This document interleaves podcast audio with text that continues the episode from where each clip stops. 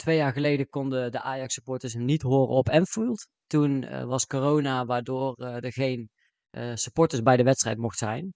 toen was het Liverpool-Ajax in de Champions League groepsfase 1-0. En daarnaast Ajax-Liverpool 0-1. Twee keer dat Ajax ja, toch wel te te licht bevonden was tegen het grote Liverpool. Nou, twee jaar later was er heel eventjes stress dat er weer geen supporters bij mochten zijn.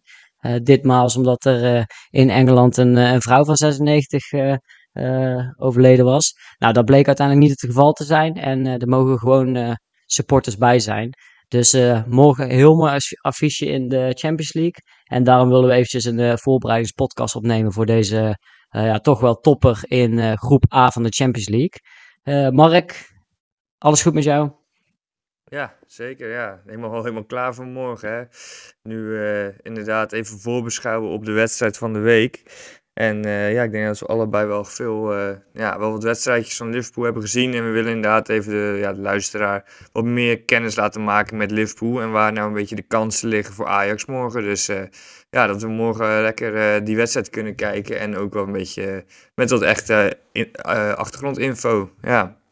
Yes, want vorige week uh, Ajax natuurlijk uh, gewonnen met 4-0 van Rangers in groep A. En Liverpool uh, kreeg in het Diego Armando Maradona stadion met 4-1 op de broek van Napoli.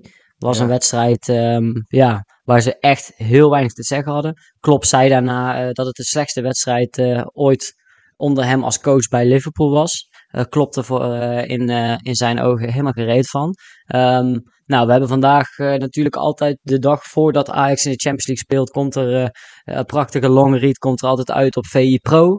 Uh, ditmaal was Pieter Zwart degene die eigenlijk Liverpool weer had geanalyseerd en eigenlijk blootlegde waar de kansen voor Ajax liggen en waar ook de gevaren liggen.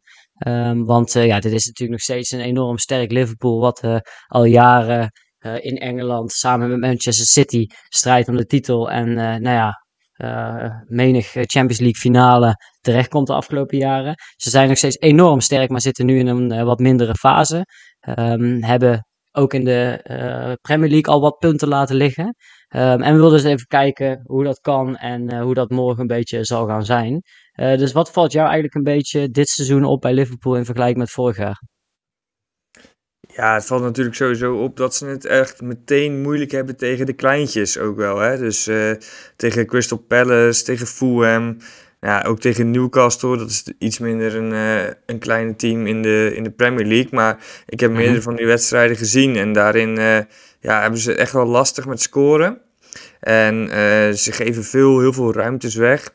Dat stond volgens mij ook inderdaad in het VI Pro artikel. Dat de afstanden, zeg maar ja, die zijn anders dan ze gewend zijn bij Liverpool. De afstanden uh, in de aanval en zeker in de omschakeling dan van aanval naar verdediging. Dus ja, dat valt wel op dat er uh, ja, die echte die saamhorigheid met het hele team spelen ze normaal. Uh, zijn ze met z'n allen aan het aanvallen, met z'n allen aan het verdedigen. En dat zie je nu eigenlijk een beetje losvallen. voor het eerst sinds Klopp daar zit, inderdaad. Dus dat is wel iets uh, hij, wat eh, opvalt. En ook wel dat ze natuurlijk daarbij uh, heel veel blessures hebben. Dus dat zie je ook wel dat het toch een beetje een smalle selectie is. En uh, dat ze een paar spelers heel moeilijk kunnen opvangen. Denk jij? Ja, ik denk het, denk het inderdaad ook. Wat jij zegt, over het algemeen hebben ze een team die, die met z'n allen heel erg druk zet, heel erg compact staan. En dat dat nu allemaal wat minder is. Nou ja, als je nu kijkt naar de resultaten die ze hebben gehad. Ze hebben die uh, toch één keer flink uitgehaald. Ze, ze scoren moeilijk, maar ja, behalve tegen Bournemouth. Hebben ze thuis met 9-0 gewonnen. Uh, maar inderdaad wel al van United verloren. Die 2-1 op Anfield. Uh, Napoli, wat we al zeiden. En daarnaast ook een aantal gelijkspelletjes. Maar wat ik inderdaad, ja, kijk over het algemeen is het natuurlijk zo dat, dat Mane weg is gegaan afgelopen zomer. En dat vond ik altijd wel een hele gevaarlijke speler. Die zowel verdedigend, fysiek, scorend in de diepte, in de bal, vond ik hem wel echt extreem goed. Ik denk dat dat wel echt een aderlating is, ondanks dat ze wel op tijd door hebben geselecteerd. Want ik vind hun scouting en hun transferbeleid altijd wel heel goed. Ze kunnen net voordat eigenlijk de spelers als een, uh, een Diaz of een Jota, voordat die echt door alle clubs worden bemind, zoals een Haaland bijvoorbeeld of een Nunez, daarvoor scouten zij hem als het ware al. Ondanks dat het toch al spelers zijn uh, die bij uh, een, een, Porto of een Wolverhampton zaten. Dus over het algemeen zijn ze wel op tijd in het doorselecteren. Maar ik denk wel dat Mané weg wel een aderlating is. En voor de rest is het, heeft het ook wel echt met blessures te maken. Ik denk als je nu afgelopen tijd ziet dat een Kona tegenblesseerd is. Die eigenlijk wel onomstreden basisplaats leek te hebben aan het begin van het seizoen. speler die is van Leipzig gekomen een Franse centrale verdediger die in mijn ogen gewoon echt heel goed is. Hij is fysiek, maar hij kan met ruimte in zijn rug spelen. Hij is, hij is aan de bal ook nog echt best wel prima. Um, en dat leek met Van Dijk wel gewoon een goed duo te zijn. En nou, nu staat Gomez daar, de, de Engelse centrale verdediger. En ja, die was tegen Napoli was die echt schandalig. Die, die werd er volgens mij in de rust of net na de rust ook uitgehaald. Uh, maar ik denk dus dat Konaté als blessure wel echt een aderlating is. Die zal er morgen ook niet bij zijn. Ja, en daarnaast wat je ook in het VI-Pro-artikel leest, is dat wel heel belangrijk is. De rol die Thiago Alcantara op het middenveld heeft. Um, zowel in balbezit is het natuurlijk, ja, balbezit is hij geweldig. Ik bedoel, ik ben altijd al ben een Barcelona-fan die eigenlijk, uh, ja, uh, die het enorm vervelend vond dat hij toen wegging in plaats van dat hij Xavi's plek overnam. Uh, ik denk dat hij aan de bal een van de beste spelers van de afgelopen tien jaar is. Um, is een speler die echt het spel kan bepalen, het spel kan versnellen, lange pasen, korte pasen, enorm slim is. en ja, dat liet hij bij Liverpool vorig jaar ook heel erg zien. Uh, en ik denk dat hij ook wel vooral, ja, hij dicteerde het spel voor de verdediging wel. En ik denk dat de spelers die er nu staan, uh, toch wel sommige spelers iets meer reactievoetballers zijn met een Henderson en een, um, en een Milner. Um, en uh, daarnaast bijvoorbeeld een Elliot die toch een iets aanvallende rol heeft. Uh, dus ja, ik denk dat ze zo'n Thiago Alcantara wel missen. Ik denk dat ze daarom ook die Arthur wel hebben gehaald, want het een beetje hetzelfde type is. Ondanks dat ja, wat we, waar we vorige keer uh, wel achter kwamen, of in ieder geval waar we het over eens waren, dat het wel een hele rare aankoop is. Maar ik denk dus dat uh, hij, dat dat uh, wel een heel groot verschil was voor Liverpool. Nou, voor Liverpool fijn is dat hij er wel bij lijkt te zijn morgen. Dus als hij start, denk ik dat we wel een, iets meer in Liverpool zien, wat, wat meer de bal in de ploeg kan houden. En wat verdedigend ook, ja, organisatorisch iets beter zal staan, denk ik. Ja, precies. Ja, klopt. Het lijkt er inderdaad wel op dat hij, uh, dat hij er wel bij is en Konaté niet. En uh, ik denk daarbij ook dat Gomez er ook niet bij is. Uh, althans, die zal lekker op het bankje zitten, denk ik. En ja. die was toen eigenlijk al te laat gewisseld in de rust. Die had gewoon iets van drie grote fouten. die zag er heel ongelukkig uit tegen Napoli. Dus ik verwacht daar Matip. Maar ik vind dat ook geen slechte voetballer hoor, die Matip. Ik denk dat die is nee, altijd wel goed. Niet. Naast, naast Van Dijk is dat wel een uh, complementair duo. En, uh, al jaren mee, hè? werd er toen al best over gezegd van ja, die moeten altijd vervangen worden. Ze waren altijd wel op zoek naar die goede centrale verdediger naast Van Dijk. Maar hij deed gewoon altijd heel goed. Hè? Uh, dat zag je zelfs toen ook. dat, ook nog in de Champions League finale speelden ze toen met die, met die Kroaat. Hoe heet hij ook alweer, die centrale verdediger? Lovren.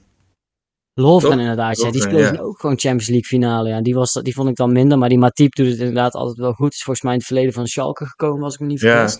Ja. Uh, dus ik denk dat hij centraal naast Van Dijk start. Maar ja, Van Dijk lijkt ook een mindere periode te hebben. Hij wordt wel eens verweten dat hij te laat ingrijpt. Hè. Dat, dat een beetje zijn manier van verdedigen. Dat naar achter lopen en uh, een beetje wachten op het moment dat de, de aanvaller gaat kiezen. En dat hij, ze dan, uh, dat hij ze dan voor is. Maar ja, ook tegen, bijvoorbeeld tegen United toen hij, mm. um, toen hij aan het verdedigen was. En Sancho, Sancho die bal maakte. Dat hij gewoon op twee meter in de 16 stond te verdedigen met zijn handen achter zijn rug. Ja, ja maar ik denk nog steeds ik denk nog steeds dat Ajax daar heel lastig morgen tegen gaat krijgen. Uh, wel fijn voor Ajax is dat Robertson niet mee uh, gaat doen. Uh, las ik ja, vandaag klopt. in nieuws. Ja, klopt. Dat kwam inderdaad vandaag. Die kwam ook nog even bij de, bij de rest van de zieke boeg.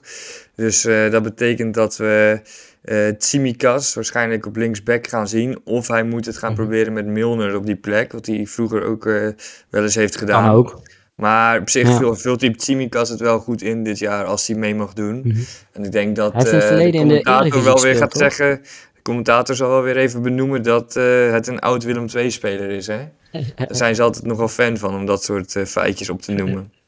Ja, nice. Nee, maar dat is in ieder geval... Hè, Robertson is natuurlijk al jarenlang wel de vaste linksback. En het is, het is... Ik vind het altijd ook een hele goede felle verdediger, vind ik het. Kijk, met Trent, Alexander-Arnold...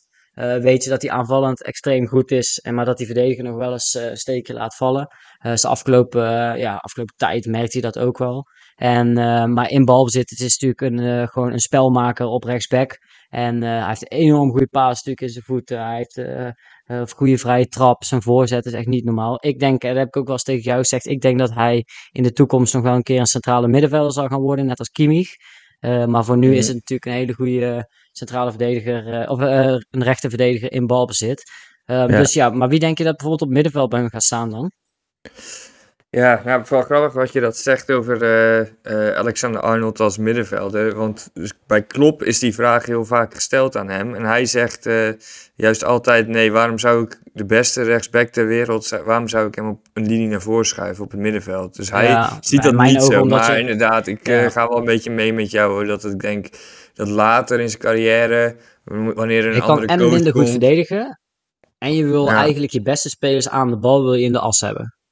Ja. Dus dat zou voor mij een reden zijn om, om een middenvelder te maken. Maar ik snap ook wel wat jij zegt hoor. Maar wie denk je dat het middenveld bij hun gaat staan dan? Ja, ik denk dus eigenlijk wel dat Thiago gaat spelen vanaf het begin. En dan misschien 70 minuten bijvoorbeeld. Omdat hij uh, natuurlijk tegen Napoli al wel inviel. Nu hebben ze een mhm. week rust gehad. Doordat uh, de speelronde in Engeland uh, eruit is gehaald dit weekend. Mhm. Dus ik denk dat hij wel goed is opgetraind om dan nu te, te starten met Fabinho. En ik denk, uh, ik denk Elliot vanaf uh, een beetje de rechterkant. Thiago vanaf links. Uh, Elliot vanaf rechts. En daar liggen wel kansen voor Ajax. Omdat normaal gesproken op die rechter middenvelderpositie speelt Henderson. En die vangt dus heel vaak Alexander Arnold op wanneer die weg is. En Elliot doet dat mhm. nog niet zo erg. Dus er liggen wel kansen voor, ik denk een Berghuis en een Taylor. Maar ook Bergwijn aan de linkerkant om daar overheen te gaan. Om juist in die ruimtes mhm. te duiken die Alexander Arnold achterlaat. Ja, en die anders Henderson opvangt. Ja, ik denk, uh, en Fabinho kan dat natuurlijk ook wel opvangen. Uh, ik vind Fabinho sowieso een, heel goede stralenverdedigende middenvelder. Ik vind hem bikkelhard. Hij maakt soms overtredingen echt met een stalen gezicht dat je denkt van uh, holy shit. Maar het is natuurlijk een goede centrale verdedigende middenvelder. Maar wat jij zegt, ja, daar liggen zeker kansen voor Ajax, ook als je naar Ajax gaat kijken. Um, voor de rest, wie denk je dat voorin gaat staan? Uh, Diaz denk ik op links zelf. Ja, ja, ja, Diaz en Salah kan je wel invullen. En dan is het even afhankelijk wat Klopp voor tactiek gaat gebruiken. Kijk, ik zou zelf denk ik nu in dit geval voor die Nunez kiezen. Omdat hij uh, het vorig jaar ook gewoon echt uh, Timber lastig heeft gemaakt in, met Benfica, toen hij daar nog speelde. En ook omdat het wel een andere smaak is dan, uh, dan Firmino. Ik denk dat het, ja, dat dat toch iets beter, dat ze daar wat minder lekker tegen voetballen. Tegen Nunez dan tegen Firmino. Dus, ja, ik denk dat Ajax over het algemeen heeft natuurlijk best wel hun laatste lijn best wel hoog staan. Dus best wel ruimte achter de verdediging. En ja, ja zo'n Nunez kan natuurlijk ook echt wel de diepte ingaan. Terwijl Firmino is echt een, ja, een soort valse negen die het constant eigenlijk in de bal komt. En dan gaan die buitenspelers eroverheen. Uh, maar nee, ik denk ook wel dat, dat zo'n Nunez zeker wel van waarde kan zijn tegen Ajax. En heeft hij wel laten zien bij Benfica, ja. Zo, dus um, ja, dus dat, dat denk ik over het team voor de rest mm -hmm. van mhm. Liverpool. Ajax zelf lijkt weer met Kudus te gaan spelen. Dit weekend speelde Kudus natuurlijk ook erg goed. man of the match geworden, net als tegen Glasgow Rangers. hij gaat echt als valse spits spelen. Nou, wat je ook, ook in dat VI Pro artikel las, maar wat je ook heel erg zag aan de wedstrijd van Napoli tegen Liverpool, is dat de linies veel te ver uit elkaar stonden. Dus of de aanval begon al te jagen, maar de verdediging ging niet mee. Uh, of andersom. Dus er lagen echt veel ruimtes tussen de linies. Nou ja, dat kan een Kudus als valse spits natuurlijk heel goed. Die gaat constant tussen die linies lopen. Kunnen andere mensen weer de diepte ingaan. Moeten de verdediging van Liverpool gaan kiezen. Middenveld gaan kiezen. Ga ik uitzakken? Ga ik overnemen? Zonnedekking. Dus ik denk dat daarin de, de Kudus variant, zoals nu al genoemd wordt, dat dat wel uh, ja, best wel effectief kan zijn tegen Liverpool. Uh, daarnaast denk ik dat uh, links Bergwijn zal starten, rechts Tadic, die nu al een mhm. aantal weken achter elkaar in die rol heeft gespeeld. Uh, op middenveld verwacht ik zelf eigenlijk Berghuis, um, Alva, Alvarez en Taylor. Ja. Achterin denk ik zelf dat het gewoon Range, Timber, Bessie en Blind wordt. ook omdat Wijndal nog steeds gebaseerd is. Ja. Wat denk jij? Ja, nee, helemaal mee eens. Ik, ja, ik denk dat gaat het ook wel gewoon worden, toch? De opstelling tegen Rangers gaat hij gewoon kopiëren en uh, nu ook gebruiken. En ik, als ik dat zo hoor, dan uh, die opstelling, dan denk ik dat het wel echt een examen gaat worden voor Range. Hè? Op, uh, op rechtsback tegen, tegen zo'n wereldtopper als die Luis Diaz. Dat wil ik nog wel eens zien. Dat, dat kan wel gevaarlijk worden, denk ik. Wel Timber ja, achter tegen blind. Ja, ik denk wel dat zo'n Bessie wat meer op Salah gaat staan. Dat ja, blind, wel, ja. die blind iets hoger juist. En dat hij gaat Trent Alexander-Arnold opvangen. En dan mm -hmm. uh, dat Bessie wordt één op één uh, tegen Salah. En op zich is uh, Schreuder ook niet bang om mensen één op één te zetten. Hè? Dat heeft hij ook echt gezegd in, het, in de wedstrijden tegen Rangers. Dus mm -hmm. ja, ik denk dat dat wel ja, dat dat een beetje de opstellingen gaan worden. Hè? Ja, ik denk ook wel. En dus de kansen waar jij zegt liggen al een beetje de ruimte achter Trent Alexander-Arnold, waar een Berghuis in kan duiken. Um, Die ligt ook natuurlijk, wat ik zeg, dat uh, met, een, met een valse spits in de naam van uh, Kudus die uh, tussen linies kan gaan spelen en mensen weg kan trekken. dus daar ligt wel kansen voor Ajax. Um, waar denk je dat gevaren voor Ajax liggen? Um, ja, ook eigenlijk wat net al een beetje benoemde. Dus aan de ene kant liggen natuurlijk kansen achter uh, Alexander Arnold, maar aan de andere kant is hij ook echt de spelmaker op rechtsback. En ja, daar, mhm. gaan wel, uh, daar gaan wel hele goede ballen vandaan komen, hele goede voorzetten. Waar uh, als je Nunez daar hebt, ja, dat kan wel heel gevaarlijk zijn. En daarbij Salah en Diaz zijn denk ik echt dat dat wel de grootste gevaren zijn. Verder valt het allemaal wel mee hoor, wat, uh, hoe de selectie er op dit moment bij staat. Thiago natuurlijk inderdaad, als die meedoet dan wel, ja. Dus Thiago is ook Maar ik denk inderdaad uh, ook wat jij zegt, als je met Nunez speelt, die zal veel uh, bij Timber daarop gaan duiken. Ook als Bessie wat meer doordekt op Salah en Blind over het algemeen diep staat, wat middenveld indribbelt. En dan als zo'n Trent Alexander-Arnold, ja, die paas van hem is natuurlijk echt niet normaal. Dus als die hem bij de tweede paal legt op het hoofd van zo'n Nunez, daar ligt wel echt gevaar voor, uh, voor Ajax. Uh, dus daar heb je wel echt gelijk in, ja. Ja, en in het middenveld uh, zal, het ook, uh, zal het ook wel weer een test worden voor een Taylor om tegen zo'n groot spelers te spelen. Dus er zijn echt bij Ajax zeker wel een aantal spelers waarvoor het een, een grote test zal zijn. Maar ik ja. ben er wel echt, ja, zo kijken zo erg naar uit. Ook bij zo'n Enfield. Veel Ajaxiden die mee zijn, die, die daar een mooie away day hebben. Dus uh, ja. nee, ik, kijk er wel enorm naar uit. En uh, ja, ik hoop op gewoon een mooie open wedstrijd. Zoals uh, beide ploegen wel, wel vaker kunnen hebben. Ja, zeker. Ja, op het moment dat wij opnemen is de training is al, is net voorbij. En daar zaten ook al best wel veel Ajaxiden bij de open training in het stadion. Dus dat Zo is wel mooi. Meteen, meteen sfeerproeven. Ik heb al heel veel foto's gezien van echte Engelse beelden van die echte die arbeidershuisjes en uh, grij, grijze grauwe lucht. En dan uh, zo'n Carlsberg biertje erbij. is echt, echt typisch Engelse away day. Dus uh, ja, heel vet. Ik gun het ja. ook echt alle, alle uitsupporters dat ze hier nu wel naartoe kunnen. En twee jaar geleden natuurlijk niet. Dus er wordt wel echt ja. kippenvel morgen, denk ik, daar op de tribune. Ja, ja echt vet. Nice. Oké. Okay. Um, wij spreken elkaar morgen, denk ik. Ja, en, nog, uh, een, vol, uh, nog een kleine voorspelling. Hm? Wat denk jij dat het gaat worden? Oeh, ik ben, ik ben sowieso niet echt van de voorspellingen. En ik zeg bij voorspellingen meestal 3-1. um, geen idee. Ik, um, ik denk uh, dat het, dat het 2-2 wordt, open wedstrijd. Oh, dat wilde ik dus ook gaan zeggen, ja. ja. Dan houden we het op, houden we het op 2-2 inderdaad. Ja, tot 2-2. Nice. Oké okay, jongen, veel plezier morgen. Wij spreken elkaar. Ja, helemaal goed.